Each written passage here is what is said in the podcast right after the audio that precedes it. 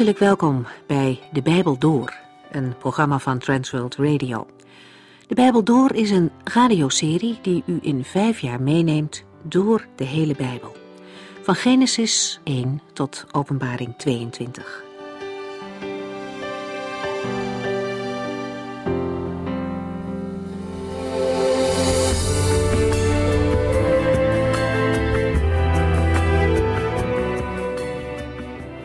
In de vorige uitzending zagen we hoe liefde de grondslag moet zijn voor het doen en laten van christenen. Liefde is de basis, het uitgangspunt.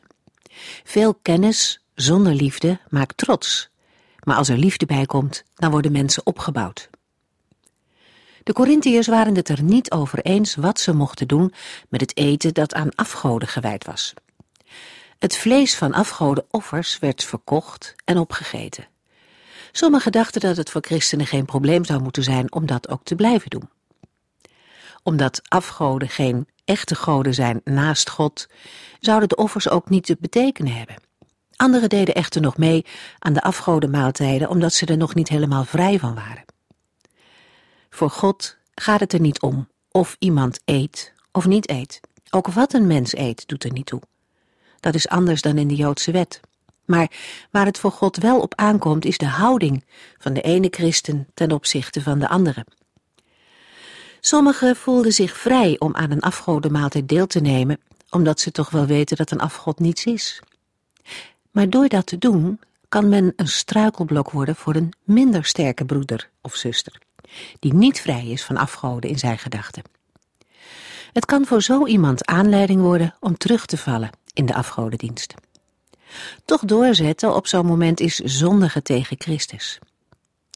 Christenen kunnen niet met een beroep op de uitspraak: alles is mij geoorloofd, ook alles doen wat ze willen. Het is belangrijk om altijd gericht te zijn op het goede voor de naaste. Om datgene te doen wat anderen helpt in hun geloofsleven. En opnieuw maakt Paulus duidelijk dat kennen op Gods manier veel verder gaat dan intellectuele kennis. Kennen zoals God ons kent, is een kennen van het hart. Er is sprake van een relatie waarin men het goede voor elkaar zoekt. We lezen verder in 1 Corinthians 9.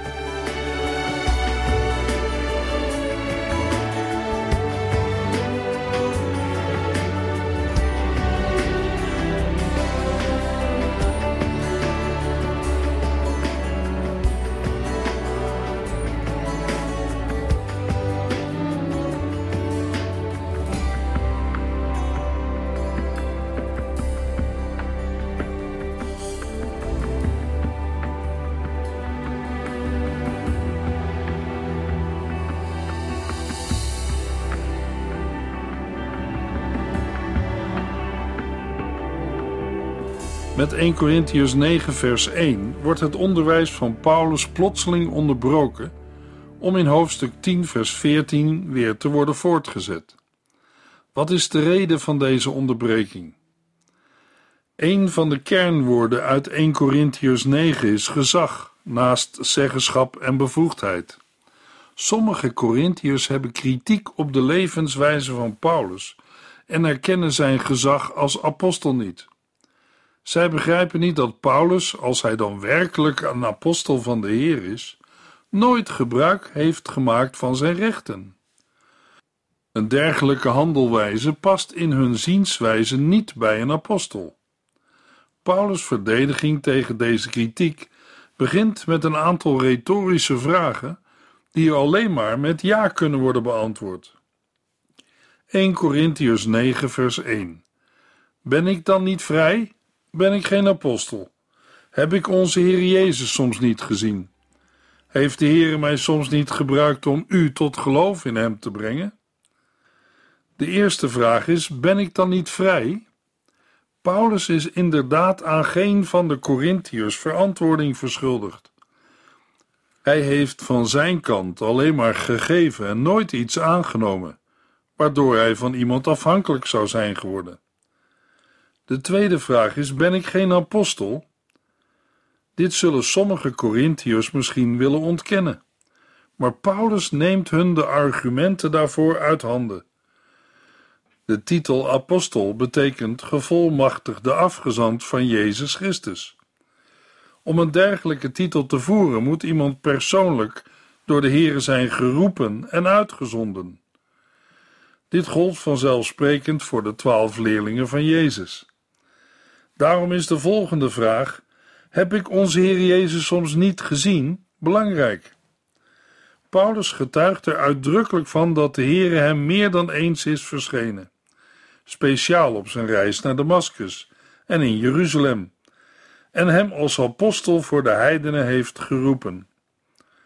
Omdat sommigen dit kennelijk in twijfel trekken, stelt Paulus de volgende vraag: Heeft de Heere mij soms niet gebruikt om u tot geloof in hem te brengen?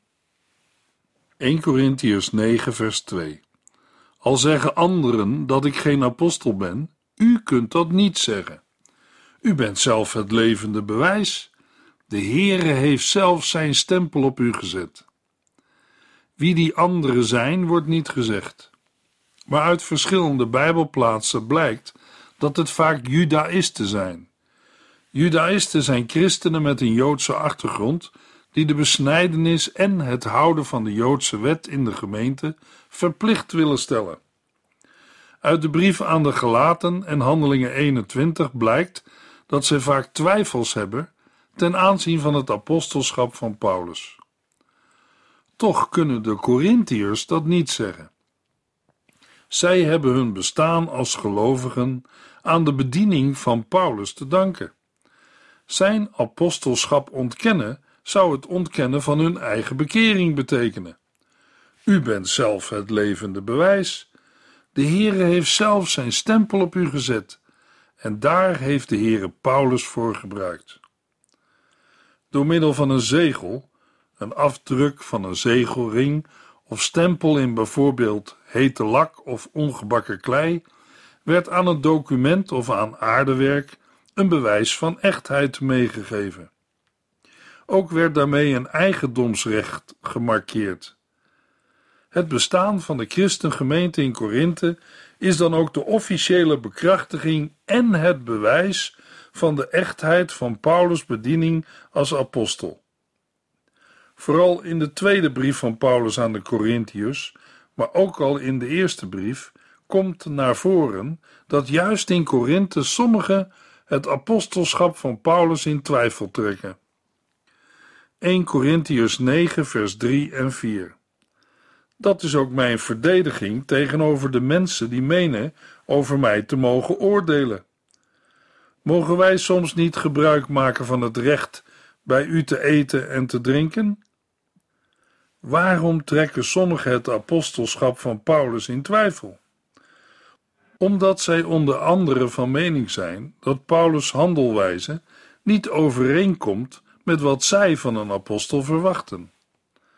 Als Paulus werkelijk een apostel geweest zou zijn, dan zou hij van zijn rechten als apostel gebruik hebben gemaakt. Tegenover deze kritiek moet Paulus zich nu verdedigen. In de volgende verse gaat Paulus uitleggen dat hij als apostel inderdaad de bedoelde rechten heeft, maar ook de vrijheid om van deze rechten geen gebruik te maken. Paulus verdedigt zichzelf alsof hij voor het gerecht staat en beschuldigd wordt van het onterecht gebruiken en praktiseren van het ambt van apostel.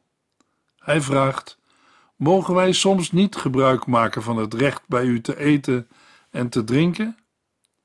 Het antwoord is ja, maar Paulus heeft ervoor gekozen om dat niet te doen. Het feit dat Paulus geen ondersteuning van de Corinthiërs heeft aangenomen, wijst er volgens sommigen op dat hij blijkbaar dit recht niet heeft en volgens hen dan ook geen echte apostel is. 1 Corinthiërs 9 vers 5 Mogen wij niet een gelovige als vrouw meenemen op onze reizen? De andere apostelen en de broers van de Heer Jezus doen dat ook. En Petrus doet het. De verwoording een gelovige als vrouw meenemen en het verband met de volgende versen wijzen erop dat het in vers 5 gaat om het meenemen van de eigen vrouw op de zendingsreizen. De kosten daarvan werden dan gedragen door de te bezoeken gemeenten. Los van het feit dat Paulus niet getrouwd was, wilde hij zelfs voor zijn medewerkers in Korinthe geen geld aannemen. Kennelijk reisden de apostelen en de broers van de Heer Jezus nogal eens in gezelschap van hun echtgenotes. Omdat de meeste van hen onbemiddeld waren, moesten de kosten wel door de gastgemeenten worden gedragen. 1 Corinthiërs 9 vers 6 Zijn Barnabas en ik de enige apostelen die zelf ons brood moeten verdienen? Naast het recht op het dagelijks voedsel en het recht om een echtgenoot op kosten van de gemeente mee te nemen, noemt Paulus nu het recht om door de gemeente vrijgesteld te worden van werk voor eigen onderhoud. Kennelijk stond behalve Paulus ook Barnabas erom bekend dat hij naast zijn werk voor de Here werk verrichtte om in zijn eigen levensonderhoud te voorzien.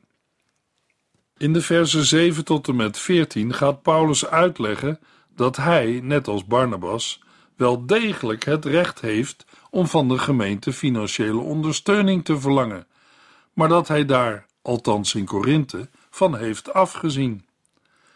Waarschijnlijk werd het verrichten van werk om te voorzien in eigen onderhoud door de Corinthiërs als minderwaardig gezien, zeker voor iemand die zich apostel van de Here noemde. Paulus werkte als tentenmaker. Of de persoon van Barnabas in Korinthe alleen uit de verhalen van Paulus bekend was, of dat hij ook zelf Korinthe heeft bezocht, wordt niet duidelijk. Wat we wel weten van Barnabas vinden we in Handelingen 4, vers 36 en 37. Een van de mensen die geld aan de apostelen gaf was Jozef, een leviet van het eiland Cyprus. Hij werd door de apostelen Barnabas genoemd, wat betekent zoon van de troost. Deze Jozef had een stuk land verkocht en het geld aan de apostelen gegeven.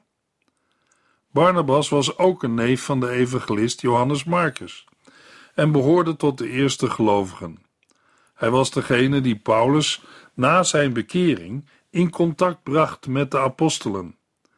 Hij was het ook die Paulus uit Tarsus ophaalde om in Antiochië de gemeente te gaan onderwijzen.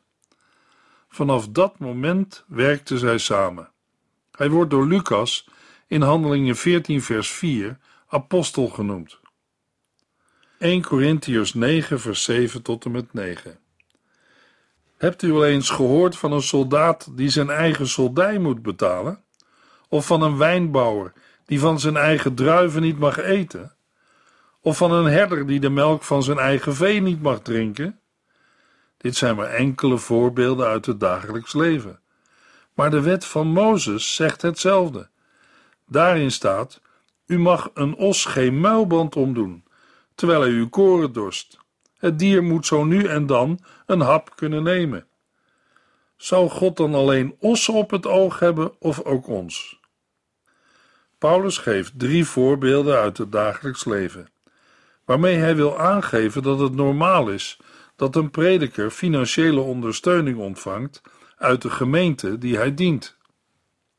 Vergelijkbare voorbeelden vinden we in 2 Timotheus 2, vers 4. Laat je als soldaat van Christus niet in beslag nemen door de zorgen van het leven, want dan zal degene die je in dienst heeft genomen niet tevreden over je zijn. Wie plant een wijngaard en eet niet van zijn vrucht? Ook hier gaat het om het gangbare principe dat hij die in de wijngaard werkt ook recht heeft op een deel van de vruchten. 1 Corinthians 9 vers 10 en 11 Natuurlijk is dat voor ons geschreven, want zowel wie ploegt als wie de oogst binnenhaalt, moet op een deel van de oogst kunnen rekenen. Zo moeten ook de apostelen hun werk kunnen doen in de hoop dat er voor hen gezorgd zal worden. Wij hebben geestelijk zaad in u gezaaid. Is het te veel gevraagd dat wij eten en drinken oogsten? Vers 10 en 11 zijn een uitwerking van vers 9. Het voorschrift uit Deuteronomium 25, vers 4 is zelfs eerder op de mens van toepassing, omdat een mens nu eenmaal meer is dan een dier of een ding. De bedoeling van het wetsvoorschrift rechtvaardige beloning van werk, blijft gelijk. Alleen de situatie waarop het wordt toegepast verandert. Paulus past het wetsvoorschrift over de dorsende os nu allereerst toe op menselijke arbeiders in de landbouw. De predikers van het evangelie worden vaak met landarbeiders op Gods akker vergeleken. Het gaat hierbij om levensonderhoud, onderdak en geld. Paulus noemt dit onderwerp opnieuw in zijn brief aan de gemeente van Galatië. 1 Corinthiërs 9, vers 12. Als andere apostelen door de gelovigen verzorgd worden, hebben wij daar toch ook recht op? Maar wij hebben van dat recht geen gebruik gemaakt. Wij hebben er niet over gesproken, omdat u anders misschien niet had geluisterd naar het goede nieuws van Jezus Christus. Degenen die geestelijk werk verrichten ten behoeve van de gemeente, hebben recht op een materiële ondersteuning. Vervolgens maakt Paulus hier melding van anderen, die kennelijk wel gebruik maken van een dergelijk recht. De anderen zijn mogelijk Apollos of Petrus, die zijn vrouw op rondreis meenam. Vooral moeten we denken aan de geestelijke opvoeders en aan degenen die in 2 Korintiërs 11 vers 13 huigelaars worden genoemd. Daar blijkt namelijk dat Paulus zich juist van deze Joodse schijnapostelen onderscheidt door geen geld aan te nemen van de gemeente in Korinthe. Toch komt Paulus veel eerder dan iemand anders in aanmerking voor een financiële vergoeding. Hij is de stichter van de gemeente en heeft de meesten van hen persoonlijk tot geloof in de Heer Jezus Christus mogen leiden. Maar wij hebben van dat recht geen gebruik gemaakt. Paulus heeft in Korinthe bewust afgezien van zijn recht om een financiële vergoeding te ontvangen, omdat u anders misschien niet had geluisterd naar het goede nieuws van Jezus Christus. Paulus wil ten aanzien van hen die nog niet bekeerd zijn, niet de indruk of de verdenking wekken dat er bij de verkondiging van het evangelie ook motieven van eigen belang een rol spelen. Het evangelie van Gods genade wordt gratis aangeboden. Goed om bij dit punt ook te zeggen dat dit niet betekent dat de verkondiging van het evangelie geen geld kost. Maar het evangelie is geen handelswaar, dat in geld moet worden omgezet. Toch wil de Heere wel dat zij die dienst doen in zijn koninkrijk en het evangelie verkondigen, ondersteund worden door hen die er de vruchten van ontvangen. 1 Corinthiërs 9 vers 13 Weet u niet dat de mannen die in het huis van God werken, eten wat in dat huis gebracht wordt? En dat zij die voor het altaar zorgen een deel krijgen van het offer dat op het altaar wordt gelegd? Paulus noemt nog een voorbeeld uit de Bijbel waarmee hij aantoont dat de predikers van het evangelie recht hebben op levensonderhoud uit de gemeente. Met het huis van God wordt de tempel in Jeruzalem bedoeld. De wet van de Heere schreef nauwkeurig voor welk deel van de inkomsten, gaven en offers voor de priesters en de levieten bestemd was. Nog directer geldt dat voor hen die de offerdienst uitvoeren. Zo beschrijft Deuteronomium 18 welk aandeel de priesters ontvangen van de offerdieren die aan de Heere werden geofferd. Degenen die hun leven hebben gesteld in dienst van Gods tempel, ook een beeld van de gemeente, horen uit deze dienst levensonderhoud te ontvangen. 1 Corinthiërs 9 vers 14 Zo heeft de Heere ook gezegd dat de mensen die het goede nieuws brengen moeten worden onderhouden door de mensen die dat goede nieuws ontvangen. Geheel in de lijn van de genoemde voorbeelden en de voorschriften uit de wet heeft ook de Heer Jezus gesproken toen hij zijn 72 leerlingen uitzond om het evangelie te prediken. Lucas 10 vers 7 Een arbeider moet zijn loon hebben. Deze woorden van Jezus aan zijn volgelingen uit de tijd dat er nog geen gemeente bestond is nu op te vatten als een opdracht aan de gemeente om de predikers van het evangelie te onderhouden. In Galaten 6 vers 6 lezen we: Wie onderwezen wordt in het woord van God, moet zijn leraar laten delen in al het goede dat hij zelf heeft. 1 Corinthians 9, vers 15. Maar ik heb nooit van dat recht gebruik gemaakt. En ik schrijf dit ook niet om daar verandering in te brengen.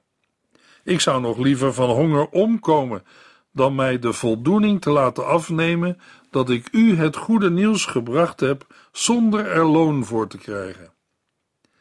In vers 15 wordt de uitspraak van vers 12 weer opgepakt. Paulus spreekt dan over de verschillende rechten of bevoegdheden die al in de versen 4 tot en met 6 aan de orde kwamen. Het is niet Paulus' bedoeling dat hij alsnog, het zij nu in Efeze, het zij met terugwerkende kracht van de Corinthiërs, geld en levensonderhoud wil ontvangen. Overwogen en vast besloten ziet hij af van dat recht. Daarom klinkt er veel emotie door in de woorden. Ik zou nog liever van honger omkomen dan mij de voldoening te laten afnemen dat ik u het goede nieuws gebracht heb, zonder er loon voor te krijgen. Paulus geeft aan dat hij vrij wil staan tegenover de gemeente en geen verplichting aan haar wil hebben om financiële redenen. Gemakkelijk kan daarbij het misverstand ontstaan dat Paulus te trots is om van de Corinthiërs ondersteuning aan te nemen. Dat is niet de bedoeling.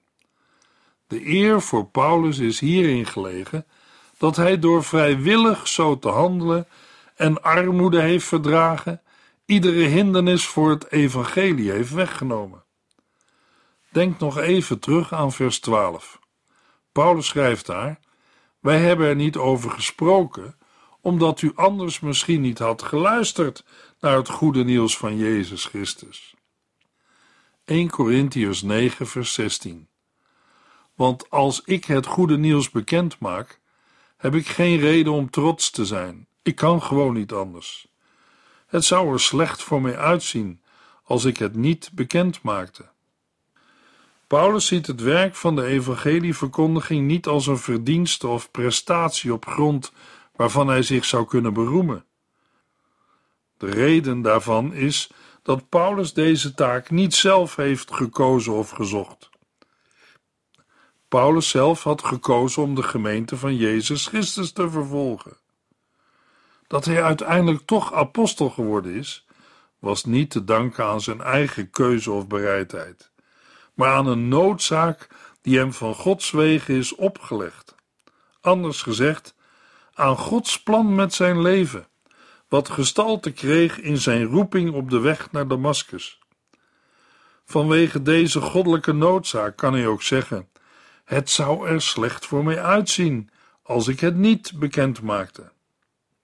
Op dat moment zou hij immers ongehoorzaam zijn en daarmee het oordeel van God over zich halen. Als Paulus al iets zou hebben om zich te beroemen, dan moet dat iets anders zijn dan de verkondiging van het evangelie. 1 Corinthiërs 9 vers 17 tot en met 23 Als ik dit werk uit vrije wil deed, zou ik een beloning krijgen. Maar dat is niet zo. Ik doe eenvoudig wat de Heere mij heeft opgedragen. Krijg ik dan helemaal geen loon?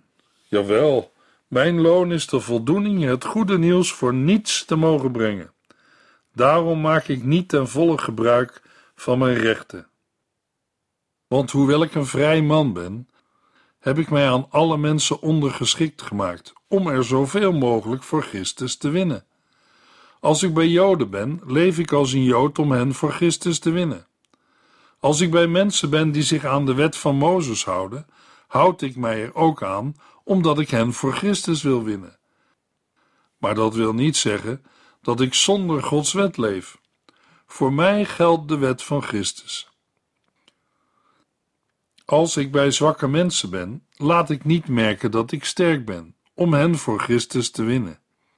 Ik heb mij aan al die mensen aangepast om in ieder geval enkele van hen te redden. Ik doe het allemaal ter wille van het goede nieuws. Ik wil samen met vele anderen de zegen ervan hebben. Bij deze verse moeten we denken aan de situatie van een slaaf, die niet uit eigen wil, maar op bevel van zijn meester de taak krijgt de huishouding te beheren. Zo verkondigt Paulus het evangelie uit een zekere noodzaak, zoals een slaaf. En daarom kan hij geen aanspraak maken op een beloning. Het is de liefdedienst die Paulus vrijwillig aan de Here kan brengen. Het is een eer voor Paulus dat hij zichzelf mag vernederen om bij zijn toehoorders allerlei verhinderingen weg te nemen. 1 Corinthians 9, vers 24 tot en met 27. Op de wedstrijdbaan doen alle hardlopers hun best om te winnen. En toch is er maar één die de prijs krijgt. Doe dan ook uw best de prijs te krijgen. Wie voor een wedstrijd traint, ontzegt zich van alles. Een sportman voor de erekrans die verwelkt, maar een gelovige voor een erekrans die nooit verwelkt. Daarom loop ik niet zomaar wat in het wilde weg en ik sta ook niet in de lucht te boksen. Nee, ik hart mijn lichaam en dwing het te doen wat ik wil. Anders zou het wel eens kunnen gebeuren dat ik, na anderen voor de wedstrijd te hebben opgeroepen, zelf wordt gedisqualificeerd. Dat het niet alleen gaat om een verdediging van Paulus' eigen gedrag en eigen wedloop om het eeuwige heil te bereiken, wordt nu duidelijk. Het beeld van de hardloopwedstrijd moet de Corinthiërs hebben aangesproken. Bij Korinthe werden om de twee jaar grote atletiekwedstrijden georganiseerd. De Isthmische Spelen, na de Olympische Spelen, het belangrijkste sportevenement van de klassieke wereld. Hoewel alle hardlopers rennen, ontvangt er maar één de prijs. Daarna volgt een vermaning: doe dan ook uw best de prijs te krijgen. Het gaat erom dat de Corinthiërs zelfbeheersing en discipline beoefenen. Losbandigheid en allerlei vrijheden waarop sommige Corinthiërs zich beroemen, maakt hen tot verliezers. Met zichzelf als voorbeeld geeft Paulus aan wie zijn hartstochten, lusten en vrijheidsdrang niet beteugelt, zal uiteindelijk door de hemelse rechter worden afgewezen en veroordeeld. In de volgende uitzending lezen we 1 Corinthiërs 10, vers 1 tot en met 22.